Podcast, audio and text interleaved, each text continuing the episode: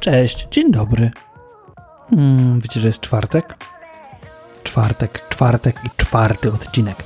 Um, dzisiaj temat trochę pod prąd. Czasami warto iść trochę pod prąd, więc dzisiaj temat pod prąd, a mianowicie kiedy uczenie się online jest dobrym pomysłem, a kiedy nie.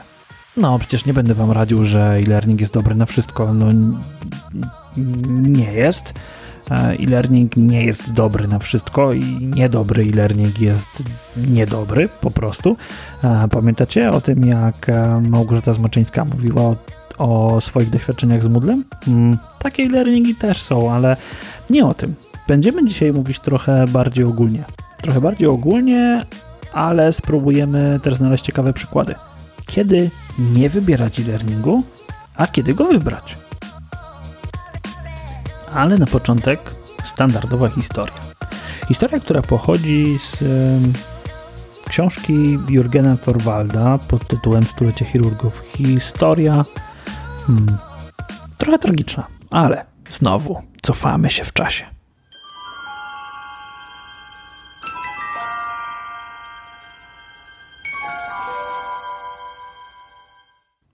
15 maja 1847 roku pewien lekarz przybił na drzwiach kliniki kartkę z napisem Nakaz mycia rąk. Twierdził bowiem, że gorączkę krwotoczną wywołuje infekcja. Do tej pory uważano, że to epidemia. Zaburzenia atmosferyczne albo złe mleko urodzących powodują śmierć jednej trzeciej kobiet w połogu. Ignacy Filip Zemmelweis Doszedł jednak do wniosku, że stoją za nią lekarze. Lekarze, którzy po sekcjach zwłok nie myją rąk i przeprowadzają badania ginekologiczne oraz przyjmują porody.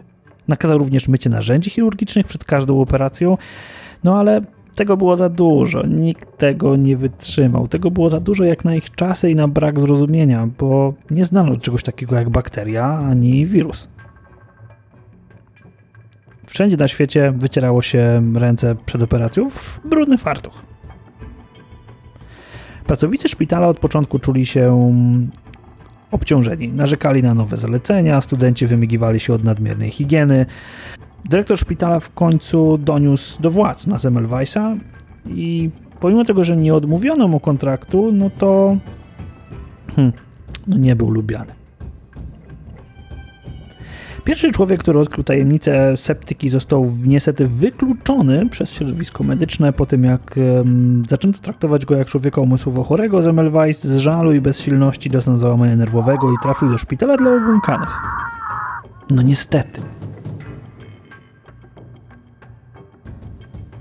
Zmarł w 1865 roku i w tym czasie większość szpitali na świecie nadal nie zmieniała pościeli przed przyjęciem nowego pacjenta. Dzisiaj coś nie do pomyślenia. Ale kilka lat temu nikt nie myślał o tym, że będzie można się uczyć tylu rzeczy online. Nikt nie myślał o tym, że powstanie Khan Academy. Nikt nie myślał o tym, że uczelnie totalnie otworzą się na studentów i będziemy mieli muki.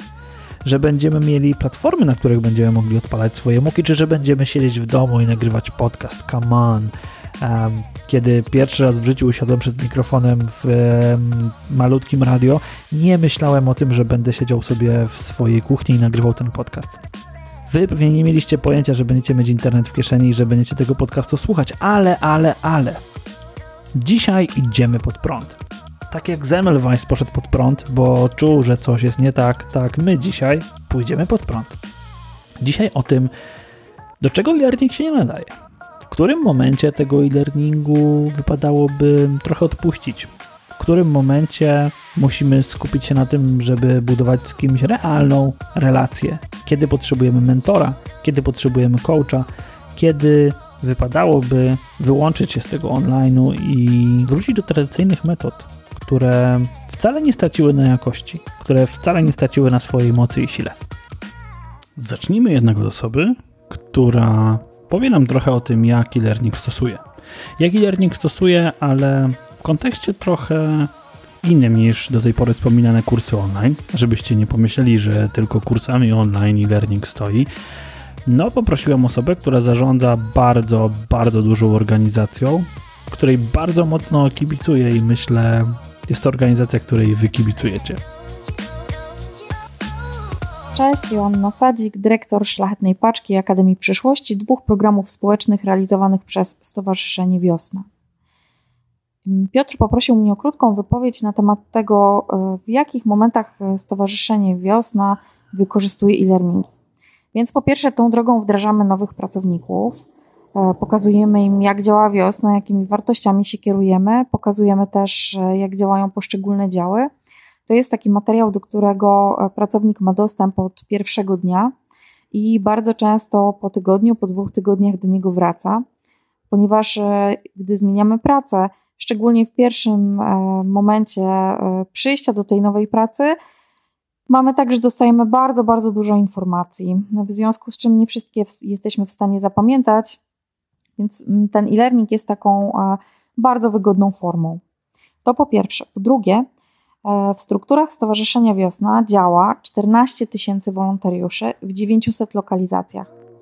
Wow, wow, wow, wow, wow, hola, hola, hola, hola. 14 tysięcy ludzi.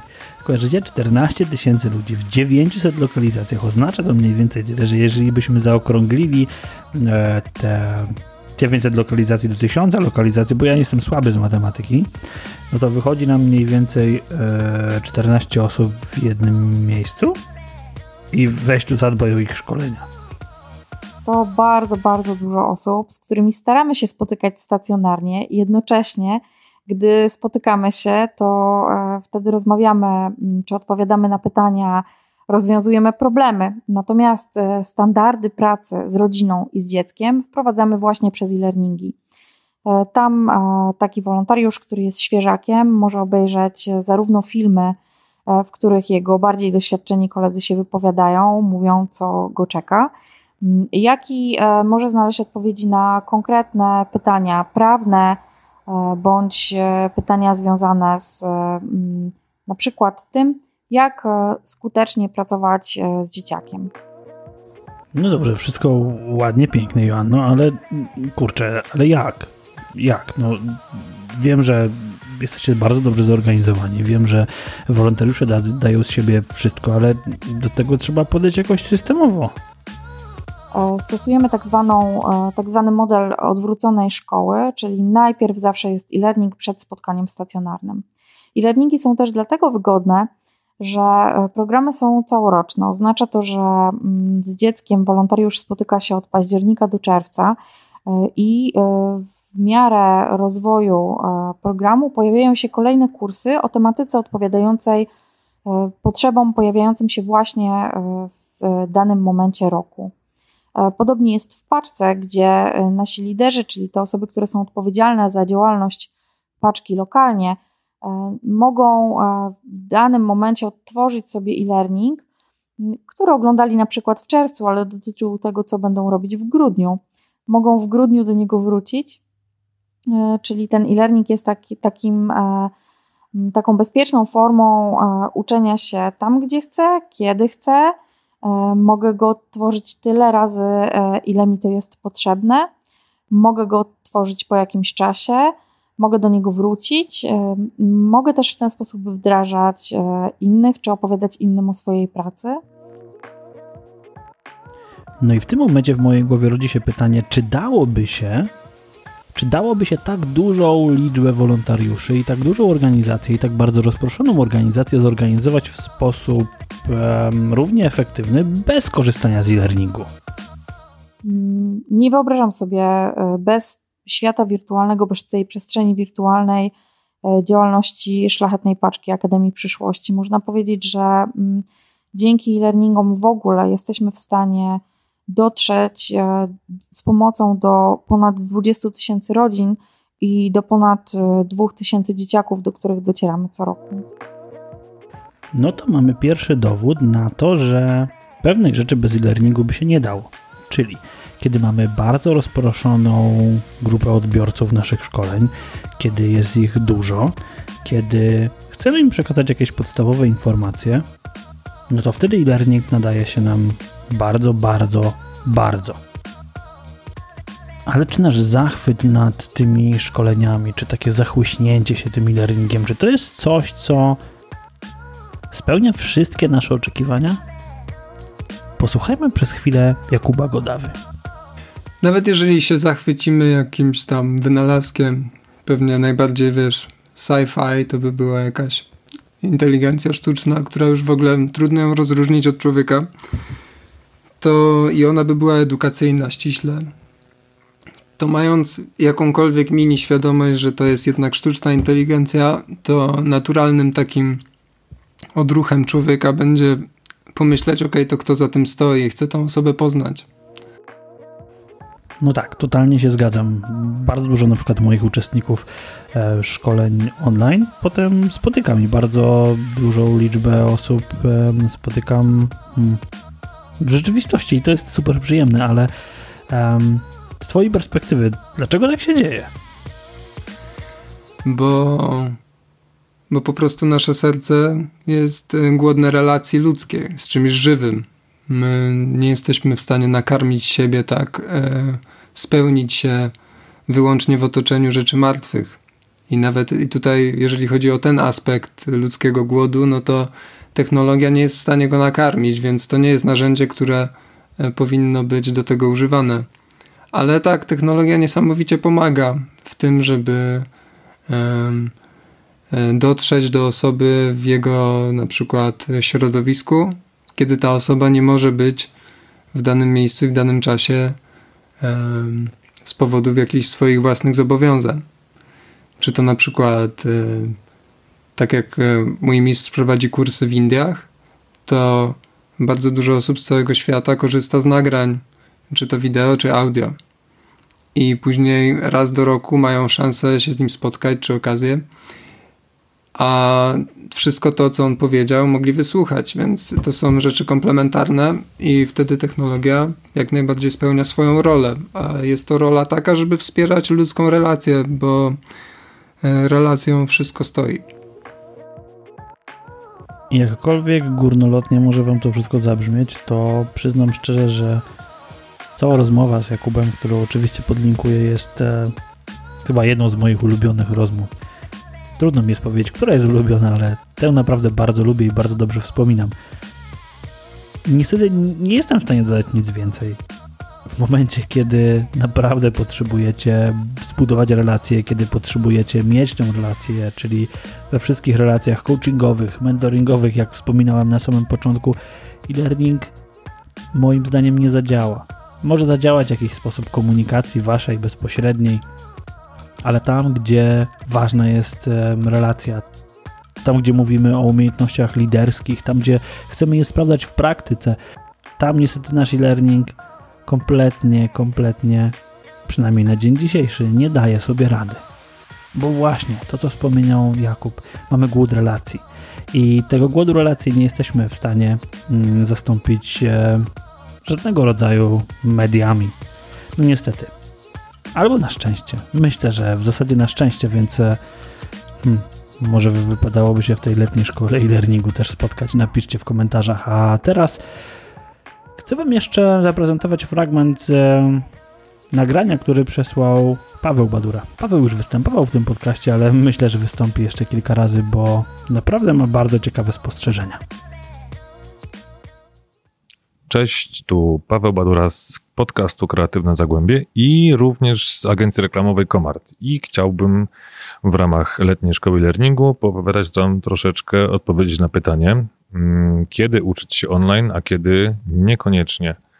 Powiem to na przykładzie swoich doświadczeń, jak to wygląda e, bezpośrednio u mnie, jak to wygląda w firmie, w której mm, pracuję na co dzień, czyli w agencji reklamowej. My generalnie szkolimy się zarówno online, jak i offline. I mogę podzielić te rodzaje szkoleń na takie, które wybieramy właśnie pod kątem tego, żeby one były e, online'owe. I w tym momencie mogę powiedzieć, że przede wszystkim szkolenia online to są takie szkolenia, które dotyczą no chociażby zagadnień technicznych, czy z obsługi programu, czy z konkretnych mm, umiejętności obsłudze danego programu, chociażby color grading e, w Adobe Premiere. Mm, takie szkolenia mamy wykupione online i skorzystamy z nich chętniej niż ze szkoleń mm, wyjazdowych, offline'owych z trenerem, ze względu na to, że po pierwsze możemy je obejrzeć wewnątrz firmy więcej osób, po drugie możemy do nich wrócić i nie musimy mm, korzystać z notatek na dobrą sprawę, bo po prostu możemy tworząc coś dla, dla klienta lub na własne potrzeby w takim programie z konkretnej umiejętności, możemy w każdej chwili mm, takie szkolenie uruchomić i e, zobaczyć, przypomnieć sobie, co to było, jeśli nie mamy już e, aż takiej, na początku przynajmniej wprawy, że możemy robić to całkowicie mm, automatycznie. E, drugą kwestią, którą chciałem poruszyć, to są szkolenia, których nigdy nie kupimy online, mimo że one istnieją Mamy u nas w firmie taki zwyczaj, że przeważnie raz do roku któryś z nas mm, jedzie na szkolenie e, dotyczące mm, działań w social media, czy to są Facebooki, przeważnie są Facebooki z e, nowości. Śledzimy jak najbardziej te nowości również na, na bieżąco i na żywo, natomiast takie szkolenie wyjazdowe, dwudniowe, mamy swoją ulubioną agencję, która takie szkolenia organizuje. E, dla nas takie szkolenie wyjazdowe jest dużo bardziej wartościowe, ponieważ pracujemy w zespole i mm, taka współpraca w zespole, wymiana doświadczeń chociażby na, na lunchu albo po pierwszym dniu y, szkoleniowym, gdzie spotykamy się, wymieniamy doświadczenia e, przy jakimś piwku na przykład, tak? Żeby tak się stało, żebym nie musiał ciepłej pić. Zdarza się również. To wynosimy z tego szkolenia dużo więcej niż moglibyśmy wynieść z czysto teoretycznej wiedzy i praktycznej wiedzy w sumie również, ale takiej wiedzy, która jest przekazywana bezpośrednio przez trenera, bo są takie obszary i pewnie każdy z Was w swojej branży może mm, takie obszary mm, znaleźć gdzieś w głowie, że szkolenie online niekoniecznie jest y, dobrym rozwiązaniem. No i szkolenia online mają tą e, również wadę i, i, i zaletę, mm, dla większości może zaletę, ale dla, dla niektórych również wadę, że możemy je, mm, szkolenia online, możemy e, przeprowadzić, odbyć, e, uruchomić w każdym miejscu praktycznie i w, o każdym czasie, a mając dużo obowiązków i napięty kalendarz działań, nie jesteśmy często w stanie zmotywować się do tego, i takie wyjazdowe szkolenie de facto zmusza nas do tego, żeby tą, ten czas poświęcić e, na tą wiedzę, którą ktoś mm, nam przygotował i którą ktoś nam aktualnie w danym momencie przedstawia. Więc jeśli wyjeżdżamy na szkolenie dwudniowe, tej osoby nie ma wtedy dostępnej w firmie, jest e, wyłączona z kalendarza. Wiadomo, że trzeba coś tam niekiedy porobić, tak, w sytuacjach awaryjnych, ale taki taka wada i taka zaleta szkoleń online dla mnie również jest ważna. Więc jeśli chcemy, mając naprawdę dużo pracy, takie szkolenie online e, wykorzystać, to albo mamy dużo samozaparcia, albo decydujemy się jednak na rozwiązanie offline'owe. Dzięki wszystkim, świetna inicjatywa, letnia szkoła e-learningu. Fajnie było być częścią tego przedsięwzięcia. Kibicuję Piotrowi, kibicuję wszystkim, którzy się w to zaangażowali, więc dzięki i do usłyszenia. Dzięki Paweł, a my jeszcze na chwilę wróćmy do krótkiego rozmyślania na temat tego, kiedy ten e-learning nam pasuje, a kiedy niekoniecznie. Widzicie, w tej chwili technologia rozwija się nam coraz bardziej. Mamy webinary, mamy wideo, mamy grupy na Facebooku, mamy wszystko, co dotyka nas przez te urządzenia, które świecą w nas ekranami ale brakuje nam czasami tego człowieka, brakuje nam właśnie tego wspomnianego networkingu, brakuje nam relacji, brakuje nam porozmawiania z kimś, brakuje nam skonfrontowania się czasami z kimś i podzielenia się z nim tym, co my planujemy, tym, co chcemy, tym, co uważamy na jakiś temat. Więc e, pomyślcie o tym, kiedy będziecie się uczyć online, że warto wybierać szkolenia, takie, które oferują również dostęp do na przykład osoby prowadzącej. E, w kursach online to jest łatwe. Czasami w e-learningu takim korporacyjnym czy w mm, w dużych firmach tego niestety nie ma. I, I właśnie myślę, że na tym te szkolenia bardzo tracą i powinny być, przynajmniej te ważniejsze albo te lepiej zrobione, powinny być zaopatrzone również w możliwość spotkania się z mentorami, spotkania się z osobami, które znają się na danym temacie. Podsumowując, wybierajcie szkolenia online, kiedy dotyczą konkretnego programu, konkretnej umiejętności, konkretnych technik, które chcecie stosować, konkretnych e, zabiegów, które planujecie uczynić na przykład na swoich finansach albo swoim zarządzaniu czasem. Jak najbardziej, jeżeli to są techniki, sprawdzone kroki, checklisty, zadania, róbcie to. Ale w momencie, kiedy chcecie dotykać rzeczy miękkich, w momencie, kiedy chcecie dotykać rzeczy, w których chcecie się skonfrontować z kimś albo poszukujecie czyjejś porady, poszukajcie czegoś, co będzie dużo bardziej bazowało na wzajemnej relacji, dużo bardziej bazowało na tym, co możecie od tej drugiej osoby usłyszeć, co możecie poczuć, bo hmm, no, sam e-learning to nie jest e, pełnia doświadczeń. Aczkolwiek są sytuacje, w których warto, warto, naprawdę warto, na przykład w tej chwili z niego korzystać. Dziękuję Wam za dzisiaj. Oczywiście kolejny odcinek we wtorek i gdzie go znajdziecie?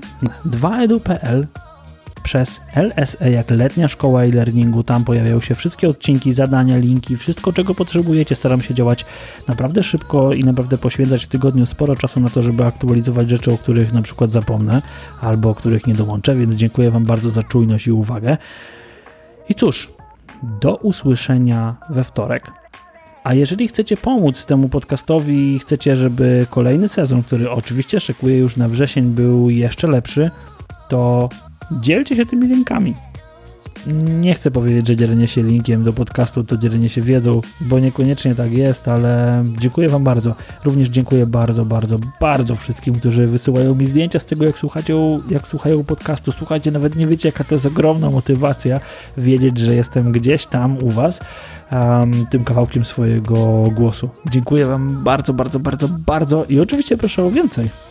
To jest super kop motywacyjny, więc e, jeżeli możecie oddać coś z powrotem, to dajcie mi trochę motywacji w postaci zdjęć, e, komentarzy i najlepiej ocenę podcastu na iTunes. Dzięki wielkie i do wtorku.